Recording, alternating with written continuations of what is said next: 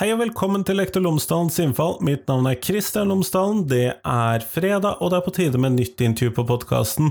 I dag så snakker jeg med Edvard Botteli Udnes. Han har jeg snakket med før, men da var han påtroppende leder i Elevorganisasjonen. Nå har han blitt leder i Elevorganisasjonen. Vi skal rett og slett snakke om hva Elevorganisasjonen har av forventninger til norsk skolepolitikk i årene fremover. Sånn, det er tema for Vi skal rett og slett se hva elevene tenker om og hva de ønsker. Og så kan jo du gå tilbake og så høre de andre valgepisodene. Og er det noen av partiene som utpeker seg som elevenes favoritt? Jeg tror ikke Edvard sier noe om det, for det tror jeg ville være feil for Elevorganisasjonen. Men jeg tror at eh, man kan tolke de til å tilhøre noen politi politiske partier trekker fram det ene tingen, andre det andre osv., så, videre, så det er litt, kanskje litt blandet drops. Men det skal du få lov til å høre, og kanskje en idé å høre de andre valgsendingene også.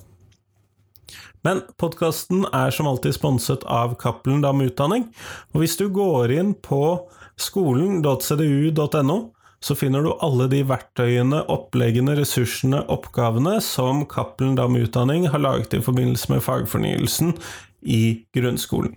Alle fag, alle temaer, alle tverrfaglige emner, alt sammen, det finner du der, så gå inn og sjekk. Det er mulig at kommunen din allerede har betalt for tilgang, men sjekk ut skolen.cdu.no. Her kommer intervjuet med Edvard, vær så god.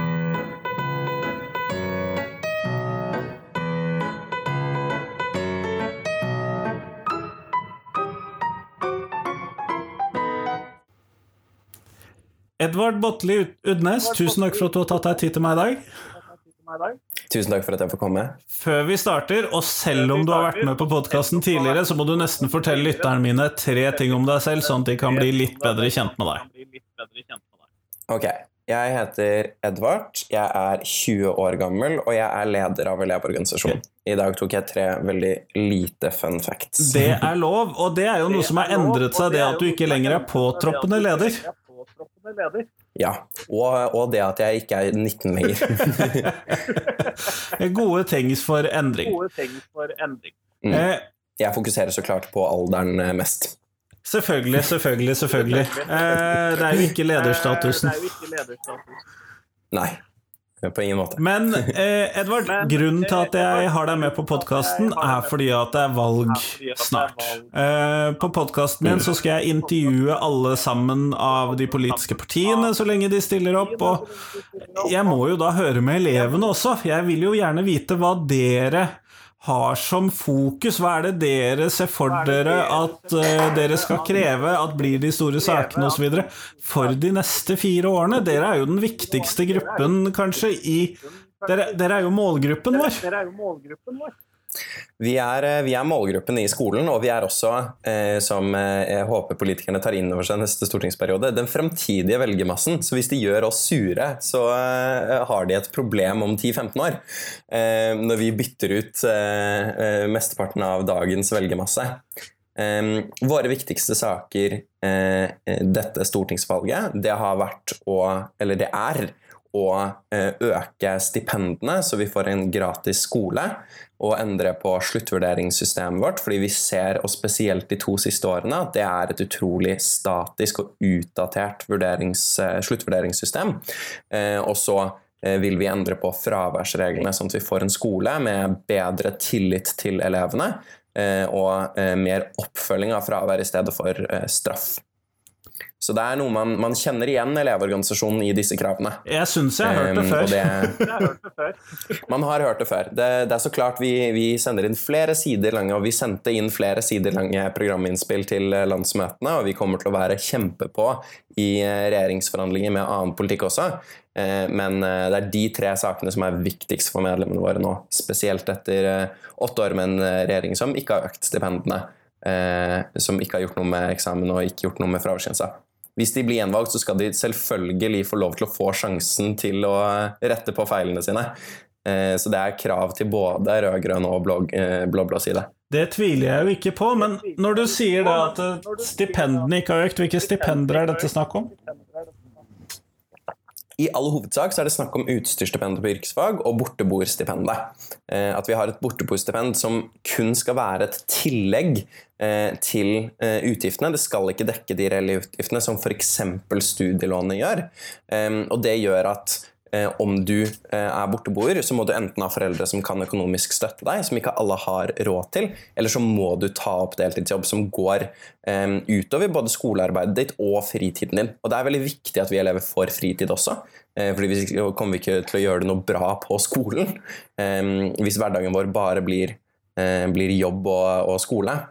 Det er også eh, da utstyrsstipendene på yrkesfag som vi mangler 114 millioner på for å fullfinansiere, men som vi har sett eh, lite vilje til å ta ordentlige tak. Vi har fått små økninger, marginale økninger i statsbudsjettene, men ikke nok til å sikre at man ikke må punge ut av egen lomme for utstyr man trenger i opplæringen. Eh, og så er det også dette at i starten av regjeringsperioden så behovsprøvde Stortinget eh, grunnstipendet, som betyr at færre fikk grunnstipend. Eh, og eh, det, er, det, slår dårlig ut sosialt. Eh, og det er også en viktig faktor det at man skal få utbetalt et stipend fra skolen når man er på videregående, får mer eh, fleksibilitet fra skolen og også hjemmefra, så skal man også ha økonomisk rom, i hvert fall noe, til å kunne utøve denne fleksibiliteten. Det fremstår jo ikke som fryktelig mye penger for å fullfinansiere f.eks. dette med, yrkes, eh, med utstyrsstipendet på yrkesfag? Ja, og vi har i statsbudsjettforhandlinger har vi også vært såpass pragmatiske at vi har foreslått en opptrappingsplan eh, på tre år, hvor jeg tror det var 38 millioner i året eh, de måtte sette av. Eh, som er lommerusk i et statsbudsjett. Eh, Eh, borteboerstipendet det henger såpass langt bak at det vil koste litt mer. Eh, men det er ikke akkurat en lærernorm. og, eh, og grunnstipendet, det er jo å gå tilbake til det vi hadde før jeg tror det var 2014, hvor man behovsprøvde det. Nettopp, nettopp. Så vi er ikke den dyreste organisasjonen i årets stortingsvalg. Nei, det tror jeg lærerne ville gått til en høy gang hvis vi fikk gjennom det vi har bedt om. Det vi har bedt om. Ja. Det, eh, det, det er eh, ofte, eh, ofte, slik at lærerne ber om mer penger enn elevene, men vi er jo ikke nødvendigvis mot det dere ber om heller. men når du da sier at dere vil endre på vurderingssystemet, hva er det dere tenker på særlig da? Da tenker vi mest på eksamen, at vi vil ha en faktisk utredning på alternativer til eksamen som sluttvurderingsform, som i større grad Eh, tar til seg eh, det nye læringssynet vi har i fagfornyelsen, med fordypning, med at læringssynet har gått vekk fra å prestere på enkeltvurderingssituasjoner til den helhetlige læringsprosessen, den kontinuerlige prosessen om å tilegne seg og anvende kunnskap.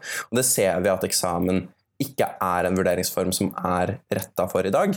Og samtidig så ser vi at eksamen, som, altså enhver sluttvurderingsform, vil legge mange premisser for undervisningen eh, gjennom hele skolegangen, fordi elevene har lyst til å gjøre det bra på eksamen, og læreren har lyst til at elevene skal prestere. Så derfor trenger vi en sluttvurderingsform som er eh, i tråd med altså som, som, spiller på de samme premissene da, som resten av opplæringen skal gjøre. Fordi Hvis ikke så får vi ikke gjennomført f.eks. fagfornyelsen på en god måte. Eh, og Her har vi spilt inn mappevurdering som et alternativ. Det må så klart utredes. Og Det er derfor vi får um, en full gjennomgang med uh, mål om at vi skal ha en, en sluttvurderingsform som ikke er som eksamen, som ikke er da en supersummativ vurdering, men som har mer formative aspekter i seg. Men er ikke det noe dere ba om allerede før fagfornyelsen? Er ikke dette egentlig bare å ta den gamle hesten og så sale på litt nye klær til denne hesten? Jo, man kan, man kan, påstå det, men jeg, jeg ville bare påstått at fagfornyelsen har gitt oss enda bedre grunner for å endre sluttvurderingssystemet vårt. Det var ikke sånn at eksamen var perfekt eh, før fagfornyelsen og med Kunnskapsløftet heller, men det ga mye mer mening enn det gjør i dag. Um, og jeg sier aldri nei til et ekstraargument. Nei, det ville jo vært litt teit, det må jeg innrømme. Mm. Men og her er det jo litt sånn Jeg ber deg egentlig se litt sånn i spåkula, men eh, hva tenker du at de, at de, politikerne har foreslått de ulike partiene? Har du noen tanker om hva de tenker om de neste fire årene i Skole-Norge? Tror du at du får gjennom det dette? Ser vi at, Der ser vi jo at det definitivt er skiller mellom små og store partier, eh, som f.eks. SV og Venstre, som eh, går til valg på å avskaffe fraværsgrensa. SV går å avskaffe eksamen også. Jeg tror Venstre har en litt ullen formulering der. Men både Arbeiderpartiet og Senterpartiet, som eh, lenge har vært for fraværsgrensa og eksamen, har rundere formuleringer i eh, programmene sine eh, ved dette valget. Begge partiene vil utrede en ny eh, sluttvurderingsform, eller se på sluttvurderingen. Og begge partiene vil også se på fraværsreglementet. Um, jeg tror også at vi kan eh, så Jeg vet ikke helt om vi får med oss Høyre på fraværsgrensa, eh, men jeg tror at det er mye å hente eh, hvis man eh, faktisk ser på de Fafo-rapportene og ser på hva er det som faktisk rettes kritikk mot her, og hva er det man kan eh, gjøre mer fleksibel, som mange har spilt inn? Og hva er det som er iboende i én fraværsgrense som er et problem?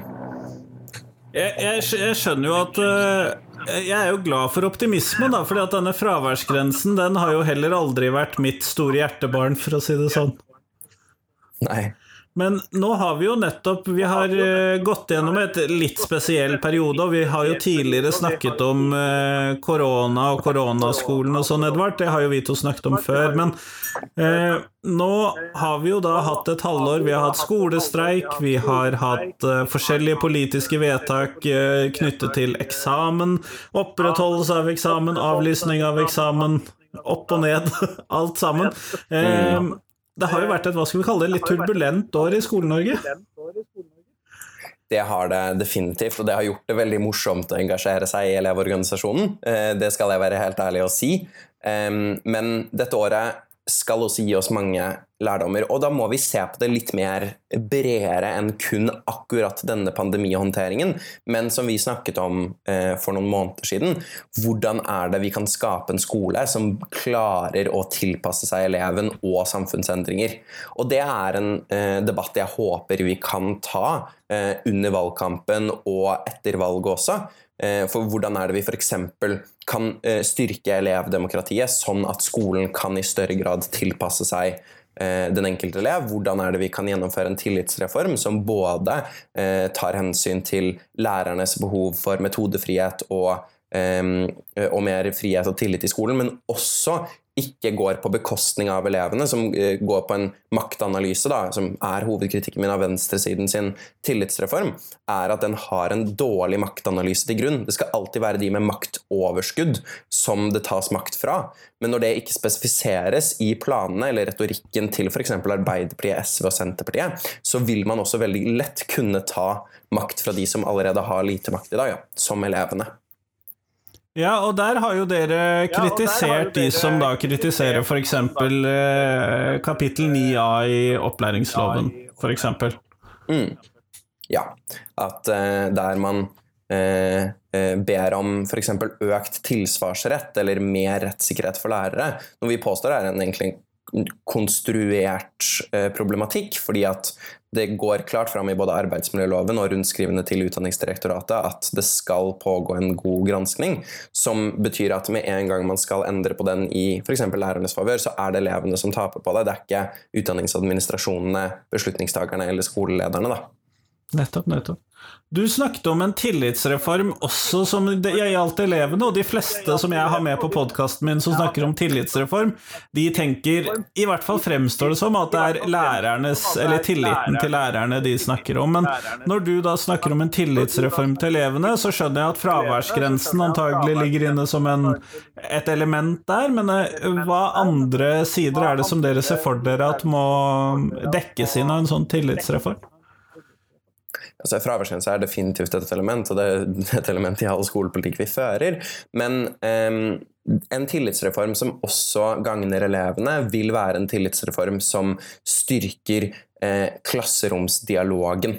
Eh, det vil gi lærerne mer frihet til å kunne Eh, eh, styre undervisningen selv, men da må ikke det være en, en, eh, håndfast styring. Da må man også gi elevene mer rom for å kunne påvirke det pedagogiske opplegget, hvordan man vurderes, hva slags type læring man har. Eh, og også kunne få mer eh, fleksibilitet over egen skolehverdag, og få mer makt i den skolehverdagen. Fordi vi har en tro på at med mer elevmedvirkning så får elevene mer eierskap til opplæringen, som vil øke motivasjonen og vil øke deltakelsen. Fordi selv om man ikke alltid får meningen sin eh, gjennom i f.eks. en prosess i klasserommet eller på skolen, så vil man føle at man har skapt eh, det undervisningsopplegget sammen med læreren. Og Da er det også ditt, og da er du mye mer investert i det. Eh, som betyr at vi kommer til å få mer engasjerte elever, vi kommer til å få mer deltakende elever. Så det er jo i lærernes interesse også eh, at vi får en økt grad av elevmedvirkning og elevdemokrati i skolen. Eh, for da får du bare bedre elever. Men hvordan kan dette elevdemokratiet se ut? Fordi at jeg, jeg har jo min tvil til at elevrådssystemet sånn som det er i dag, fungerer veldig demokratisk, da. demokratisk, da. Mm. Og det er en god grunn til, eh, for det er at vi Um, når vi begynner på skolen i første klasse på barneskolen, så er jo vi midt inne i sekundærsosialiseringen. ikke sant? Uh, og um, det, det, legger jo veldig mange føringer på hvordan vi kommer til å opptre i skolesystemet og i samfunnet for øvrig. Uh, og når vi begynner på skolen, så blir vi satt i en passiv kunnskapsmottakerrolle. Det er ikke naturlig med elevmedvirkning og elevdemokrati fra første klasse av. Det begynner ikke før uh, rundt femte trinn, ikke sant? som betyr at når vi i fem år blir sosialisert inn i den rollen om at vi ikke nødvendigvis har noe å si, at det ikke er meningen å høre på oss, så blir det også mindre engasjement for, eh, for elevrådsarbeid og elevmedvirkning. Eh, det blir eh, bare de som har fått kompensasjon for denne eh, sosialiseringen hjemmefra, som ofte er ressurssterke elever, som engasjerer seg. Og det er også elevråd som ikke nødvendigvis vet hva, hva, de kan ta tak i, og hva de kan påvirke. For dette er en helt ny situasjon for dem. De ikke nødvendigvis er blitt sosialisert inn i.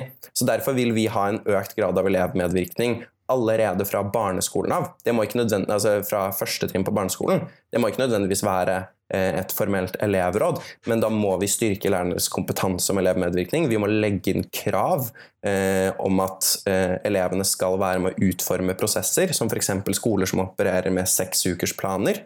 Der må elevene inn.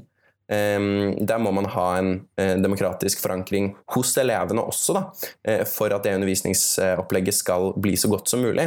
Og det skal falle naturlig for enhver lærer å spørre klassen sin og spørre hver enkelt elev hvordan er det du lærer best? Hvordan er det du vurderes best? Eh, fordi at alle elever har kunnskap om det her. Vi bare kommuniserer det på andre måter enn voksne gjør. Eh, og for, for, veldig mange voksne så kan det virke som vi enten bare sutrer eller klager, men det er den måten vi er vant til å kommunisere på. ikke sant? Eh, og eh, Nå snakker jeg spesielt om de yngste barna. Og Styrker man den kompetansen da, i pedagogikken med å lære seg hvordan barn kommuniserer ønskene sine, så kommer vi også til å bli tatt mer på alvor, vi kommer til å bli mer hørt. Og Det kommer til å gjøre at vi føler oss viktigere i vår egen skolehverdag, at vi føler oss som en aktiv deltaker. da. Ja, fordi at det hadde jeg lyst til å spørre deg om hva dette skulle innebære. Og hvis man blir jo litt sånn som man oppdras til. Og, øh, og det, jeg skjønner jo godt at man da øh, klager eller sutrer eller øh, har andre uhensiktsmessige måter å argumentere på når man har lyst på endring. Men ønsker dere f.eks. rett til å være med på ansettelser i skolen, eller er det ikke en sånn tema som er hos dere? Jo, det ønsker vi. Eh, der, der, har vi ikke klart å bestemme oss for når det skal begynne. Eh, jeg vet ikke nødvendigvis om seksåringer skal sitte i ansettelsesutvalg. det hadde vært festlig. Men, men vi mener at, eh, at, elever skal være med i ansettelser, spesielt av personell som har veldig mye betydning for elever, som f.eks.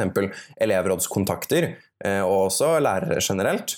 Um, og så leker vi litt med tanken, her har vi ikke helt bestemt oss, men eh, med rektorvalg, sånn som det f.eks. var på forsøksgym. da. Uh, og som det for så vidt er på universitetene.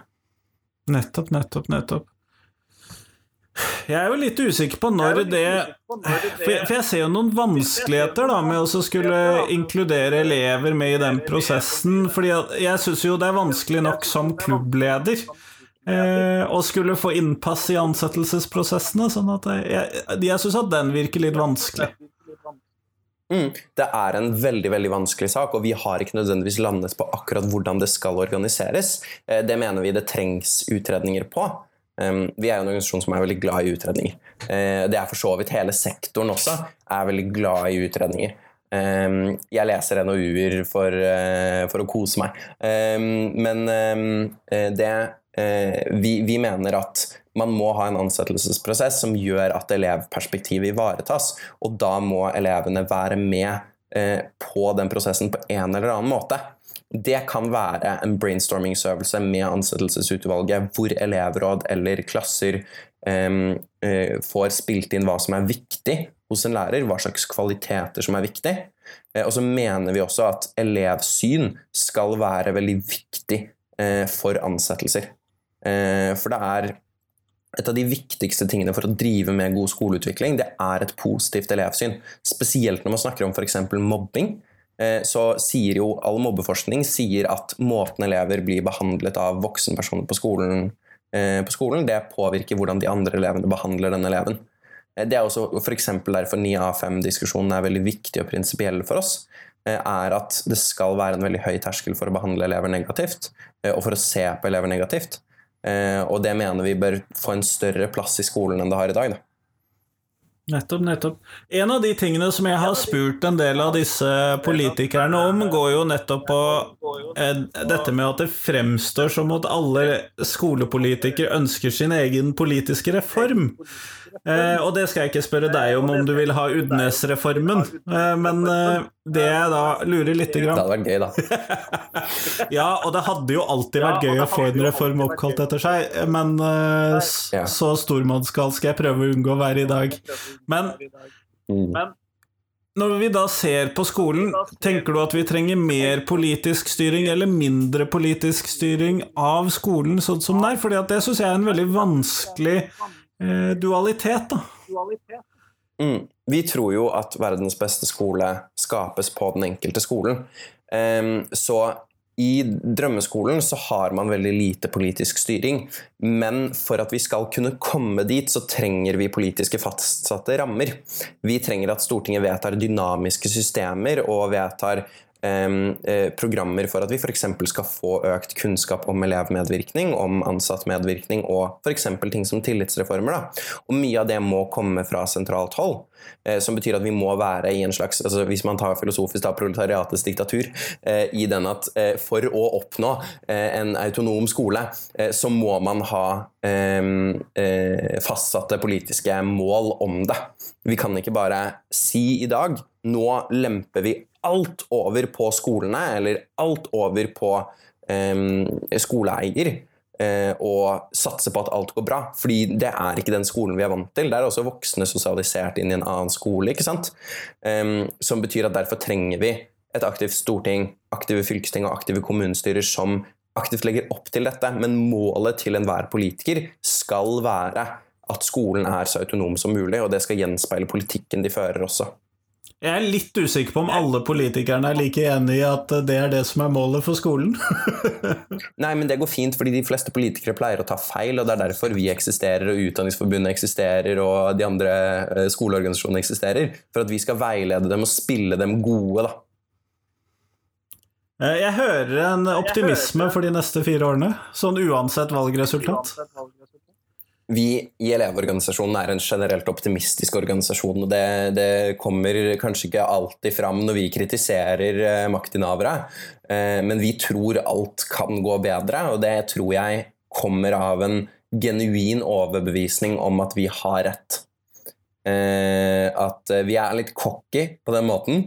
At elever vet best hvordan det er å være elever, og derfor vet vi best hvordan skolen skal være også. Em, og derfor tror jeg at vi, hvis vi fortsetter å kjempe, så kommer den tankegangen til å vinne fram. Eh, Jeg tror ikke at jeg nå, nå er jeg på mitt syvende år i Elevorganisasjonen, og jeg tror ikke jeg hadde klart så mange år uten en eh, dumdristig optimisme. Eh, litt, litt naivitet må til for å fortsette å engasjere seg i politikk, eh, tror jeg. Eh, og Det er derfor vi har en optimisme på de neste fire årene, og de neste 40 årene og 400 årene også. Jeg tror det skal få lov til å være de siste ordene i denne episoden. Jeg tror ikke du kan eh, toppe det med å igjen svare på spørsmål om hva de tre viktigste tingene skolen kan lære elevene. Så det får de heller finne i en, et tidligere intervju med deg. Eh, Ja, eller bare ringe meg på 95554181. Kjempeflott. Tusen takk for at du tok deg tid til meg i dag, Edvard. Dag Edvard. Tusen takk for at jeg fikk komme.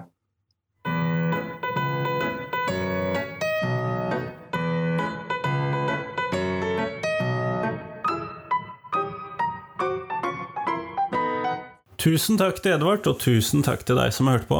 Nå er det fram til tirsdag, så kommer det et nytt intervju på podkasten. Da skal det handle om er man studieforberedt etter studieforberedende, og hva kan det bety? Så det kan du glede deg til på tirsdag. Ellers eh, så håper jeg at du kan ha en veldig fin helg, at du får slappet av, tatt det med ro. Sommerferie kan være slitsomt, det også. Og så håper jeg at du kan dele podkasten min med noen som du tror vil sette pris på den, slik at enda flere får hørt alle disse viktige temaene som tas opp på podkasten. Jeg tror at eh, bredden i podkasten gjør at det er verdt å høre på for mange. Ellers, ha en fin helg, som sagt. Hei, hei.